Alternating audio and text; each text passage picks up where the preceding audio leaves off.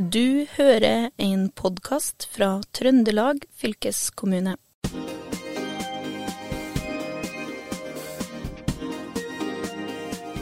Hei og velkommen til eh, dagens episode av Fylkespodden, som legges ut på din podkastplattform den 8. mars, som jo er kvinnedagen, og det er også temaet for dagens episode. Jeg heter Kjersti Bjørnevik og er en av programlederne i Fylkespodden, og i dag er jeg så heldig at i tillegg til noen fantastiske gjester, så har jeg fått med meg min gode kollega Bodil Nilsen til å bistå i programlederstolen. Hei, Bodil. Hei, Kjersti. Og så har vi fått med oss eh, to eminente gjester. Og de to gjestene som har takka ja til å komme til Fylkespodden i dag, det er Guro Angel Gimse.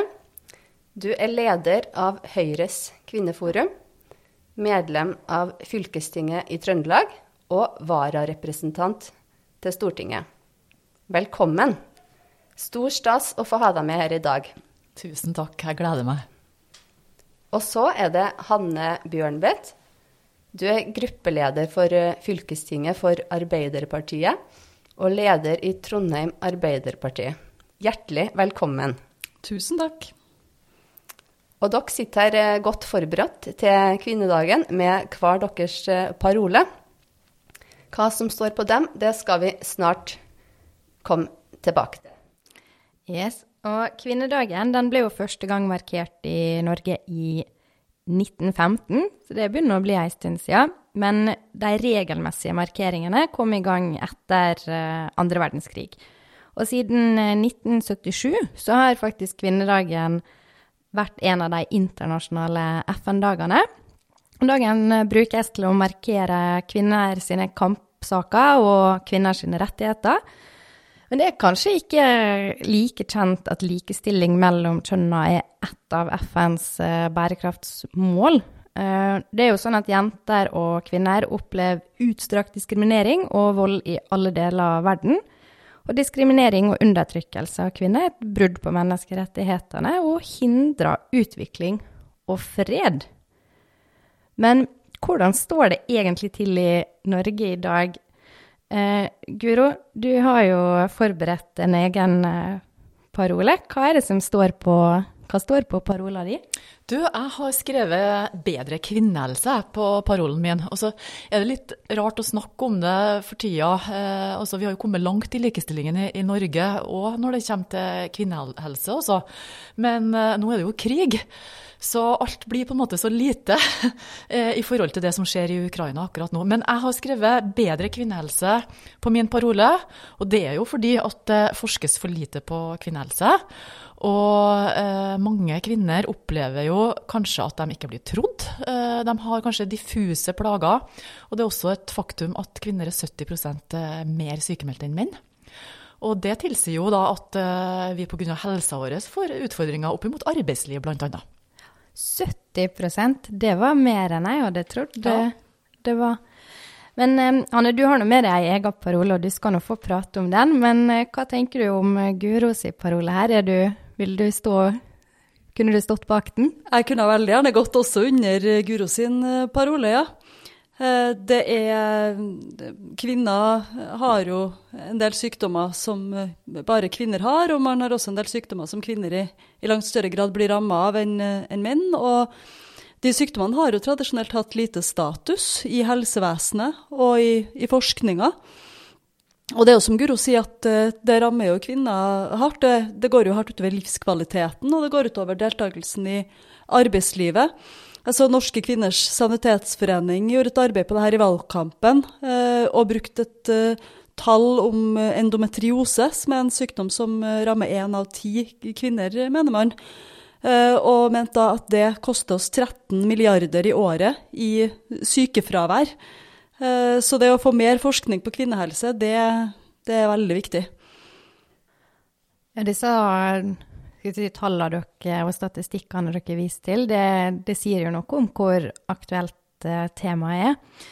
Men uh, Hanne Guro var jo litt inne på at det nesten kan føles litt rart å skulle sitte her i i, i gode, trygge Norge og snakke om, eh, ja, om de politiske temaene som kanskje kommer opp i forbindelse med kvinnedagen, med tanke på situasjonen vi har i Europa nå. Hvordan, hvordan opplever du Gjør du deg lignende refleksjoner? Ja, det, det er litt sånn uh, at uh, alt føles litt smått. Med de uh, forferdelig dramatiske bildene som vi ser fra, fra, Ukraina nå, så tror jeg vi alle sammen kjenner på det, at det overskygger det aller meste. Samtidig så er jeg opptatt av at man må klare å ha flere tanker i hodet samtidig i politikken. Det vil alltid være sånn at man har det, mer alvorlige eh, situasjoner internasjonalt enn det man opplever å ha i Norge. Men det å jobbe for likestilling i Norge samtidig som man er opptatt av situasjonen internasjonalt, det, det, det må man få til. Og du har jo også en parole, Hanne. Eh, hva står det på den, og hvorfor ble det nettopp denne parolen? Du, På min parole så står det 'faste, hele stillinger'. Uh, og det handler jo om at uh, det her med deltid og midlertidige stillinger i arbeidslivet, det er noe som rammer kvinner i mye større grad enn eh, menn. Og det å ha ei lønn å leve av, det er jo helt avgjørende for at man skal ha et godt liv og ha frihet til å leve det livet som man ønsker seg. Så Derfor så mener jeg at vi må ha mer faste ansettelser og mindre midlertidige stillinger. Og mer heltid. Særlig for kvinner. Og det kan jeg stille meg bak òg. Det er bra. Men kvinner og hele faste stillinger, er det sånn at uh, vi står på stedet hvil? Er det likens i dag som for uh, eh, 20 år siden, eller skjer Nei. det noen fremgang? Uh, er det noen form for fremgang? Det har jo skjedd en utvikling. Altså, kvinner kom jo inn i arbeidslivet for alvor på 70-tallet og har jo utgjort en veldig viktig del av norsk økonomi, faktisk. Altså, Kvinners inntreden i, arbeidslivet er faktisk mer verdt enn oljeformuen vår, så det sier litt. Og etter hvert så har eh, kvinner eh, trappa opp, og eh, for å skryte litt av regjeringstida som Høyre representerte, så var det i løpet av de åtte årene 90 000 flere kvinner som begynte å jobbe heltid. Og under Arbeiderpartiet òg så var det jo en vekst. Så her ser vi samfunnsutvikling og dreining mot eh, en bedring. Ja, heldigvis så, så går jo verden fremover. Eh, Nå var det jo faktisk eh, mobilen min var, som begynte å snakke. og... Hun herre, hva er det hun heter for noe? Siri, rett og slett. Siri ville også være med på podkast. Ja. ja. det var noen økonomiske kalkyler hun kom med her. ja. Uh, ja, da, heldigvis så har jo verden gått fremover. Uh, og kvinner har jo på en måte sakte, men sikkert fra, fra 70-tallet blitt mer og mer aktiv i arbeidslivet. Men fortsatt så ser vi jo at det er veldig stor forskjell på kvinners og menns yrkesdeltakelse. Jeg mener jeg har sett at kvinner jobber to tredjedel av det menn jobber. Uh, og man tjener 88% av det menn tjener, hvis man ser på som heltid. Uh, og så er det jo sånn at uh, i forrige uke så ble det gjort et vedtak i Stortinget som fjerner den generelle adgangen til midlertidige ansettelser. Og det å ha en fast jobb, det mener jeg er veldig viktig for livskvaliteten og for den friheten man, man har i livet sitt. Eh, altså F.eks. det å kunne få seg et eh, lån for å kjøpe seg en bolig. Eh, så krever de fleste bankene at man kan vise til at man man har en fast jobb. Så selv om det heldigvis har gått fremover, så er det mye igjen på det området her, altså. Jeg er litt uenig med deg, Hanne. For eh, jeg tror ikke at det med midlertidige stillinger eh, er årsaken til at eh, kvinner jobber deltid altså. Det er mer sammensatt enn som så. så det er kun et, noen få prosent av arbeidsstokken vår som er ansatt midlertidig. Men vi skal ikke gå inn i denne debatten om midlertidighet eller ikke. Men mener ikke at det at man er midlertidig ansatt er årsaken til at man jobber deltid. Jeg mener at det er to problemstillinger, og for noen så virker de sammen, men det er to ting som eh, til sammen utgjør et eh, problem for kvinner, da, enten man er midlertidig ansatt eh, og eller man jobber deltid, så, så, gjør det at kvinner ikke har friheten til å leve det livet de ønsker. Men Det jeg tror er veldig viktig, da, det er at man for et par år siden fikk fortrinnsrett til Eh, stillinger som blir utlyst eh, i det offentlige. Eh, så hvis du har en deltidsstilling og det utlyses en stilling i virksomheten din, så har du krav på, på den. Og det tror jeg er kjempeviktig for å få til hele stillinga. Så jeg tror heller på den type tiltak. Og så tror jeg også på alternative turnusordninger. At vi får mer altså medleverturnuser, at man jobber kanskje flere eller lengre vakter da, for å, å Eh, ja, så man slipper å holde alle de her småstillingene for å fylle opp eh, helgene, bl.a. i helsevesenet.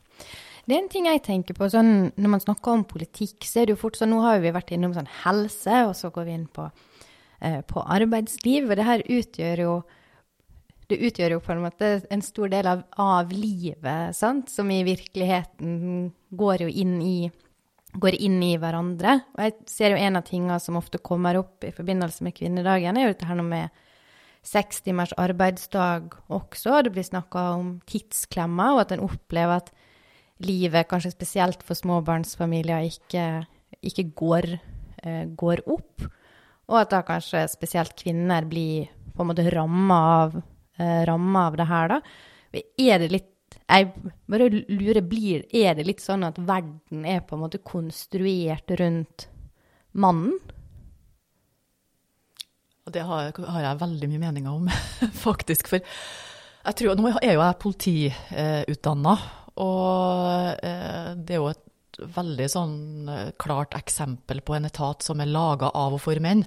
Og sånn er det egentlig med demokratiet og politikken òg. At eh, ja, da, da, hadde vi jo ikke engang stemmerett den gangen eh, de, de politiske institusjonene våre ble forma, og møte, eller hvordan møtevirksomheten foregikk og, og, alt sånn. Da var vi jo hjemme og hadde ikke så mye vi skulle ha sagt. Så ingen tvil om at vi har masse strukturer i samfunnet vårt som er laga av og for menn, som vi kvinner har måttet tilpasse oss. Så vi har på en måte vært litt eh, til stede på menns premisser. Helt klart. Det er jo det ene. Det andre er jo at uh, mye av strukturene, måten arbeidslivet er lagt opp på, uh, er jo uh, laga i ei tid hvor kvinner var hjemme uh, og tok seg av familien, tok seg av omsorgsoppgaver. menn jobba. Eh, og så har vi kanskje ikke i stor nok grad da, eh, klart å forandre samfunnet i takt med at eh, begge foreldre er ute i, i arbeidslivet. Selv om, altså igjen, sammenligna med andre steder i verden, så har vi innmari gode ordninger i Norge med svangerskapspermisjon, med barnehager som legger godt til rette for at begge foreldre skal være i arbeidslivet. Men jeg tror nok at eh, en del av det henger igjen, og at det går utover kvinner. Og det er jo også årsaken, tror jeg, til at eh, en del velger å jobbe deltid, fordi at man ser at det må til for at familielivet skal gå opp.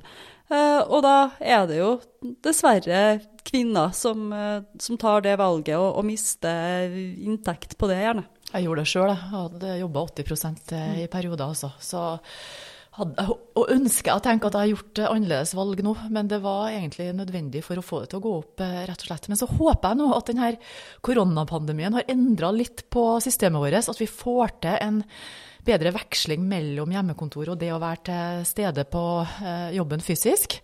Eh, jeg hørte på en forsker her forleden som mente at hjemmekontor er på en måte Det kan bli en, en, ny reform, en ny velferdsreform, som blir veldig bra for kvinner.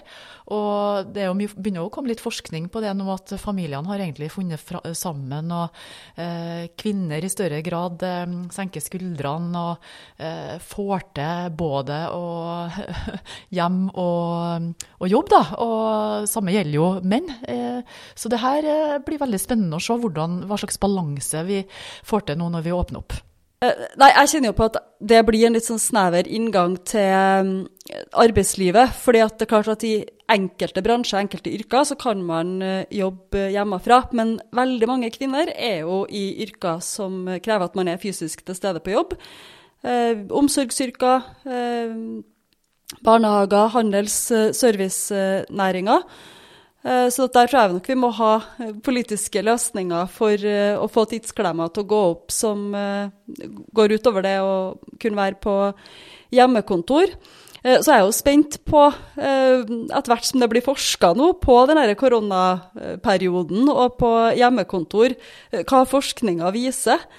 Fordi det er jo dem som har frykta at Eh, kvinner som allerede tar en større andel av de ulønna arbeidsoppgavene, gjerne i en eh, familie, eh, da har kjent enda mer på, fått enda større belastning av det nå når man har kunnet jobbe hjemmefra. Så det blir interessant å se. Sammensatt det her, det er det ingen tvil om. Men jeg håper at vi fortsetter med en fleksibilitet. For det er det, om man jobber i, eller må møte opp fysisk på jobb, eller om man kan ha hjemmekontor, så er det kanskje fleksibilitet som er stikkordet her. Guro, du er jo engasjert i flere sider av arbeidslivet. Og i dag så har du ikke bare parole, men eh, du har også tatt i bruk andre virkemidler før 8. mars. I noen uker nå så har du, i likhet med Erna Solberg og mange andre kvinner, bytta navn på LinkedIn. Det, nå heter du Arne. Kan du si litt om eh, hva som skjedde der? ja. Du, det, jeg syns det var en veldig artig aksjon, dette her med Arne-aksjon. For det er faktisk sånn da, at uh, det er like mange eh, som heter Arne blant de 100 topp, største, eller, de fremste topplederne i næringslivet i Norge i dag, som det er kvinner, da.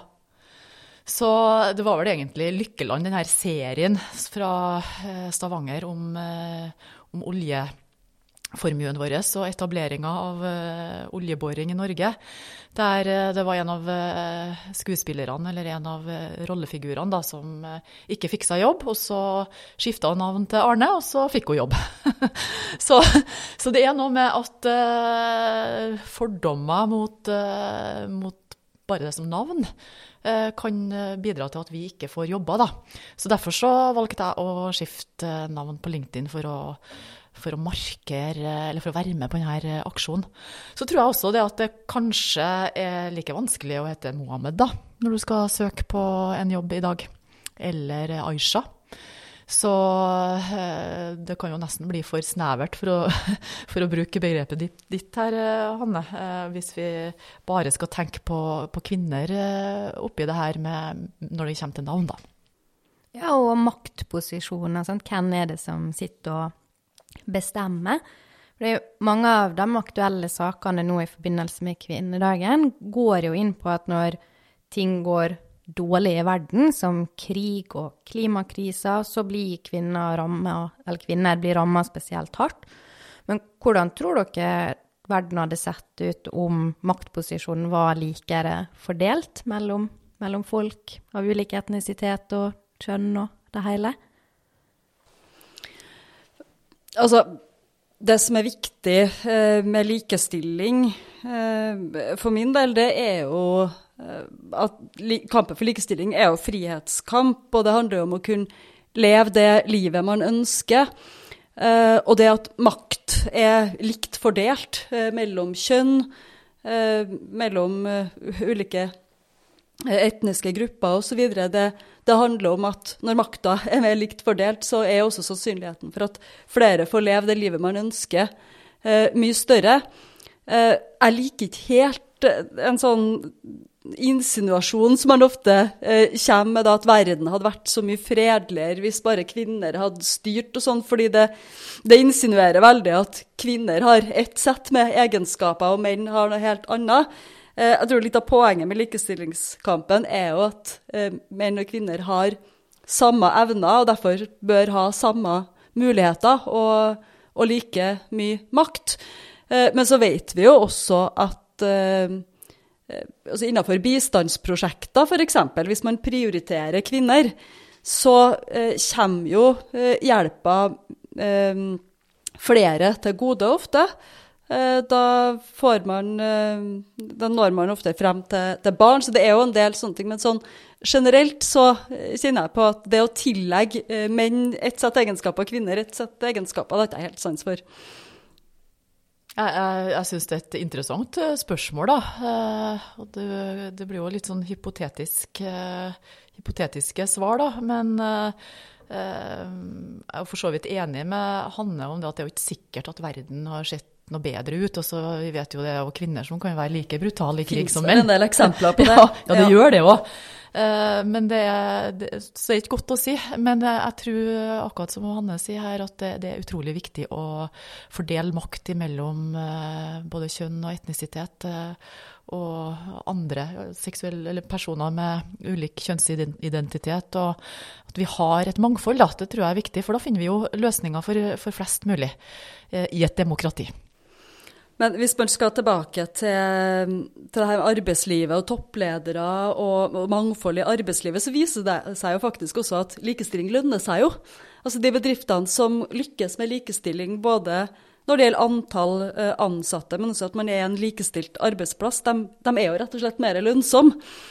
Eh, og hvis man ser den derre Lykkeland-serien, så forstår man jo egentlig hvorfor. Fordi eh, det er jo når man eh, klarer å ansette de mest kompetente ansatte, at eh, en bedrift eh, går godt. Og hun her Anna Hellevik i, i Lykkeland som eh, får jobb eh, ved å endre navn til Arne, hun går jo langt utapå en av sine studiekompiser som eh, jobber i Oljedirektoratet. Sitter jo opp hele natta og utfører arbeid for han, mens han fremstår jo som helt ubrukelig. og det det sier jo noe om hvordan ting var på den tida, da. Eh, hvor mye dyktige, kompetente kvinner som ikke fikk mulighet til å bidra, og en del menn som eh, kanskje burde funnet seg en annen å gjøre. Der tror jeg kanskje en del menn har fått eh, noe gratis da, når det kommer til lederstillinger. fordi at hvis vi tenker på en leder, så tenker vi kanskje først og fremst på en mann. Så det blir en slags sånn stereotypisering av en, en leder som gjør at vi kvinner taper eh, på det, rett og slett. Så jeg tror det med eh, stereotyper, eh, litt sånn skjult diskriminering, altså holdninger vi sjøl har innerst inn, det er med å prege oss på hvem vi velger f.eks. til ulike stillinger. Så er det jo sjølforsterkende òg. Det er jo forska mye på det. at Man ser at menn rekrutterer menn eh, til lederstillinger. Eh, og de nettverkene gjør at man på en måte forsterker en utfordring som allerede er der. Menn rekrutterer menn, og kvinner rekrutterer både kvinner og menn. Ja. Visstnok. Ja. Hvordan eh, står det til i politikken? Er det noen forskjeller? Opplever dere noen utfordringer der som kvinner, som eh, dere tenker at menn ikke har det samme? Eh, Jeg tror jo, jeg tror Erna Solberg som sa det òg i forbindelse med den Arne-kampanjen, at uh, jeg tror nok at en del ting står bedre til i politikken enn andre steder når det gjelder uh, det her med representasjon. Uh, Jeg er jo med i et parti hvor vi har vedtektsfesta at vi skal ha 50 av hvert kjønn i, i alle utvalg og, og styrer. Eh, Vi skal ha én kvinne og én mann blant de to første på enhver valgliste. Så der har vi jo en del sånne strukturelle ting som eh, lager mm, rammer for det. Eh, Men det er klart at eh, mye av det vi ser ellers i samfunnet, er jo utfordringer i politikken òg. Det er jo mye fokus nå på eh, hets, eh, trakassering av eh, politikere. Eh, Det er jo ting som tyder på at kvinner er mer utsatt for det eh, enn menn. Eh, og jeg har nå vært aktiv i politikken i, i mange år. Det er jo fortsatt eh, en del hersketeknikker man blir utsatt for. Jeg, jeg opplever jo av og til at jeg blir møtt på en måte som kvinne som jeg vet at ikke menn ville ha opplevd, for å si det sånn. Ja, det syns jeg det er litt interessant. Sant? Dette er noe med om en blir man møtt annerledes som kvinne og mann. Og jeg så nå uh, for, ja, for en to ukers tid siden, så ble utenriksminister Anniken Huitfeldt intervjua etter at hun hadde vært og snakka med Russland sin ambassadør og, og sagt til han at deres utsagn om at de ikke skulle invadere Ukraina, var løgn. Og da var det en journalist fra Dagbladet, tror jeg det var, som spurte hun om hun hadde kjefta på ambassadøren, hvorpå utenriksministeren svarte at uh, hun kjefta ikke, hun er klar og tydelig. Og der har jeg sett flere i sosiale medier som har reagert og sagt at man ville jo aldri ha spurt utenriksministeren om uh, vedkommende går og kjefter på ambassadører hvis det var en mann. men man spør når det er en, det er en kvinne.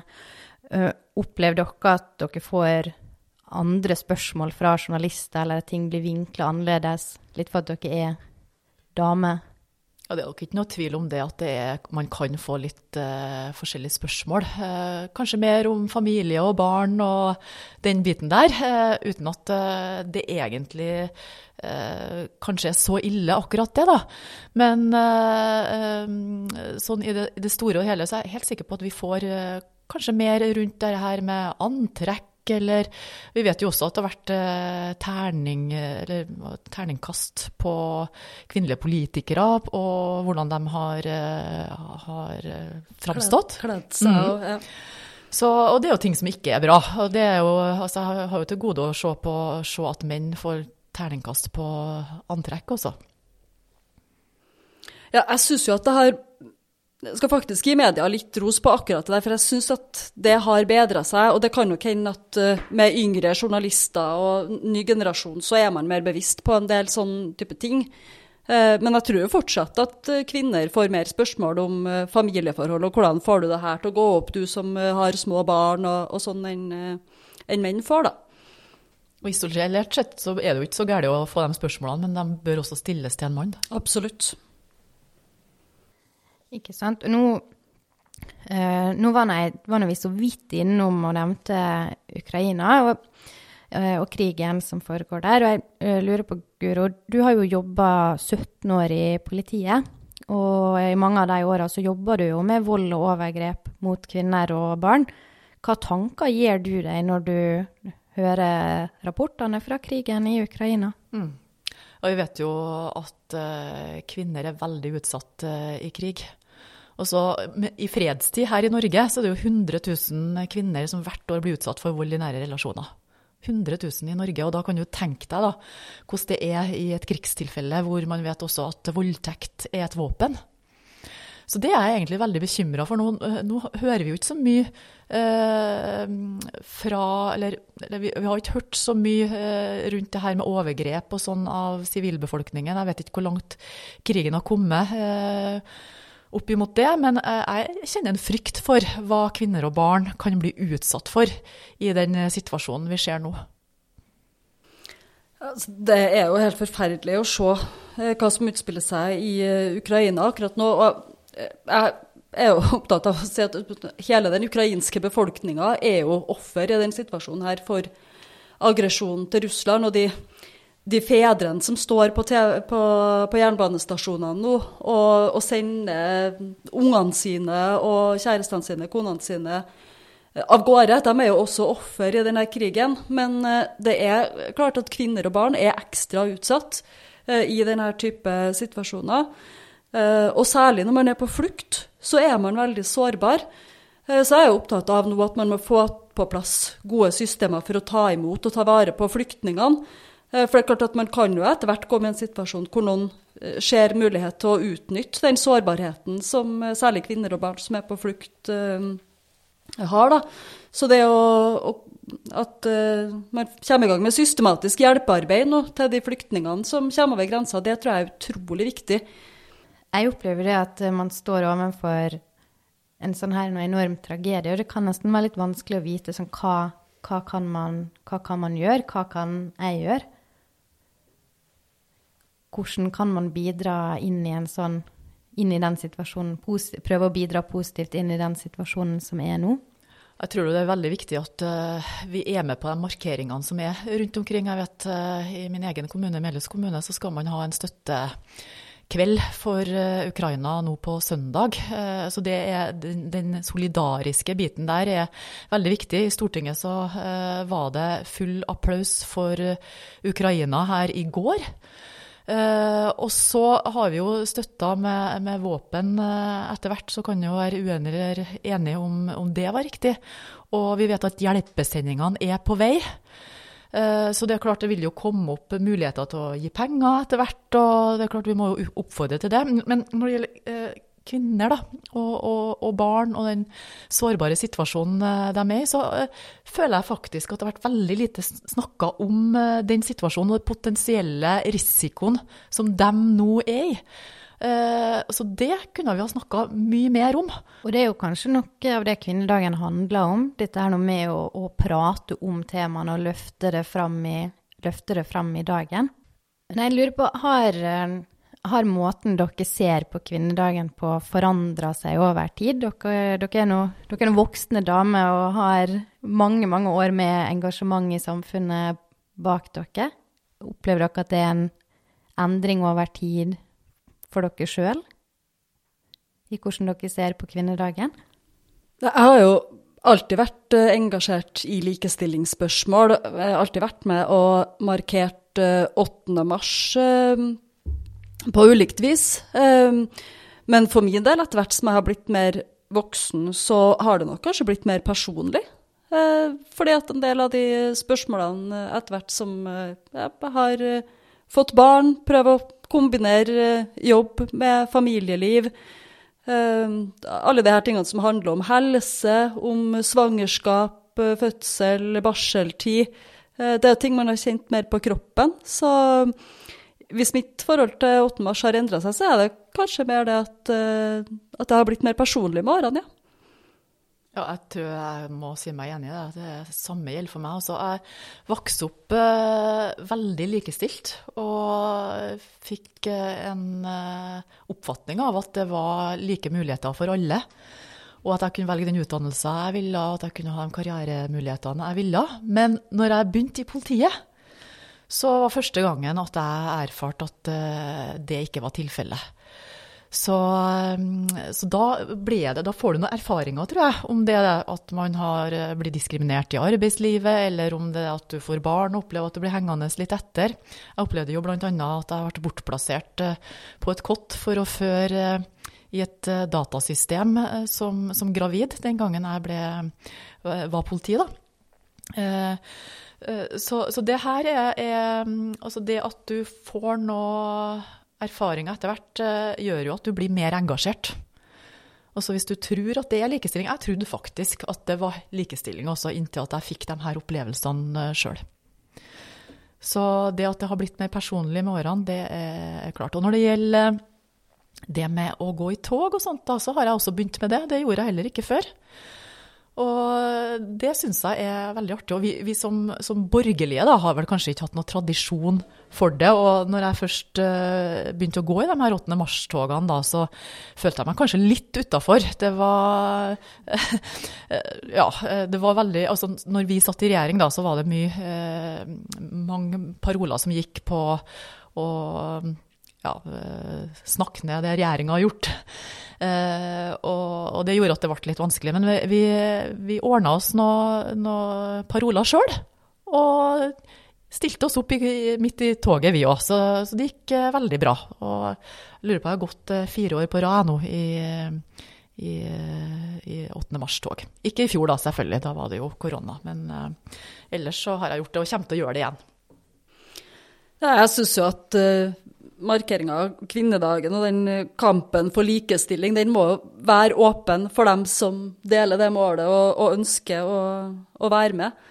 Eh, det er jo litt sånn òg for Arbeiderpartiet at eh, det er ikke alltid at alle parolene er ting vi kan stille oss bak. Og vi har jo også hatt regjeringsmakt, og det er liksom 8. mars er jo en sånn kamp for å endre systemet, men jeg tenker at alle som er opptatt av likestilling og kvinners muligheter i samfunnet bør markere 8. mars, og det bør også vi på venstresida være åpne for at uh, man kan delta. Bør markeringa av kvinnedagen bli mindre partipolitisk og kanskje mer åpen for alle? Ja, jeg mener jo absolutt det. At, uh, at akkurat den dagen så hadde jeg i hvert fall eh, satt pris på at eh, vi i større grad greide å være mer omforent da, om eh, paroler. og Det er liksom ikke den dagen vi går i den spisseste debatten. og Vi, altså, vi har jo vært litt uenige i dag, eh, Hanne, men det er på en måte altså, vi er mer enige enn vi er, vi er, uenige, og vi fremhever det i større grad. Og det setter i hvert fall jeg veldig stor pris på. Jeg tror det er kraft i det. Så jeg skulle ønske at uh, liksom sånn nei til det regjeringa har gjort sånn og sånn, og det er ikke paroler som, uh, som vi ser i, i 8. mars-togene, uavhengig av hvem som sitter uh, med makta. Jeg er jo ikke helt enig i det. Jeg er opptatt av at kampen for likestilling skal romme dem som ønsker å delta i den. Eh, men jeg er ikke så opptatt av at ting skal eh, som ikke være politisk eller ikke partipolitisk, for det er innmari mye politikk i likestillingskampen. Eh, og vi er ikke alltid enige om veiene til målet, men jeg, jeg tror ofte at vi deler målet. Så jeg tenker at det at vi kan markere 8. mars, eh, litt sånn uavhengig av politisk farge, men eh, samtidig være åpen på at her ligger det en del politiske diskusjoner. Eh, det syns jeg er helt greit. Jeg syns ikke at det er noe mål å gjøre ting upolitisk, for så vidt. Men det må ikke bety at folk ikke opplever at det er et rom for å være med og markere dagen. Det virker jo som at det er nok å ta av når det kommer til til saker å diskutere og engasjere seg i når det gjelder likestilling. Og det her er jo, her er jo dagen for det. Og nå tenker jeg, nå eh, begynner vi å bli klar til å gå ut og markere på, på hvert vårt uh, vis. Så jeg tror vi runder av der. Og så sier jeg tusen takk for at dere kom hit og var med oss i dag. Det er jo veldig kjekt å ha et litt sånn samtale Eh, fokus rundt dette her med, med kvinne, kvinnekamp. Og ikke at man kan eh, utforske litt enighet og uenighet, og ikke bare gå rett i debatt. Det har i hvert fall jeg satt veldig stor, veldig stor pris på. Så tusen takk for at dere kom, og tusen takk til Bodil Nilsen, som var med meg som er programleder i dag. Mitt navn er Kjersti Bjørnevik, og vi høres igjen om en uke. Du har eh, hørt en podkast fra Trøndelag fylkeskommune. Hør flere episoder på Spotify eller trondelagfylket.no.